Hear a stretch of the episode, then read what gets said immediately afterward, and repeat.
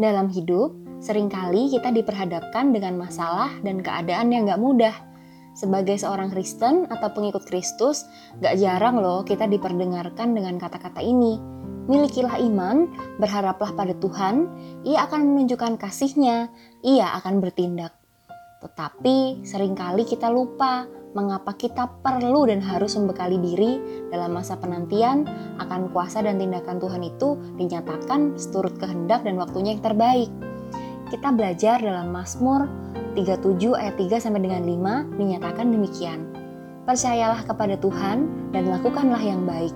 Diamlah di negeri dan berlakulah setia dan bergembiralah karena Tuhan, maka Ia akan memberikan kepadamu apa yang diinginkan hatimu serahkanlah hidupmu kepada Tuhan dan percayalah kepadanya, dan Ia akan bertindak.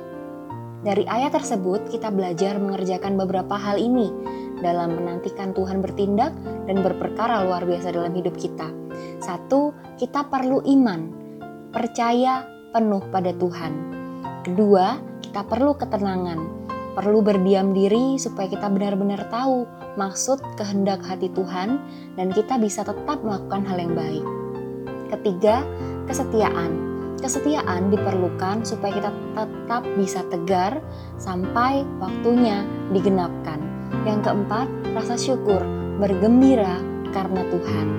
Dan yang terakhir, penyerahan diri, berarti menyerahkan hidup kita dan mengandalkan Tuhan seutuhnya bukan karena kekuatan atau kehebatan kita, tapi karena kuat kuasanya lah yang sanggup menolong kita. Terus kerjakan yang Tuhan rindukan, berpegang teguhlah dalam pengharapan. God bless.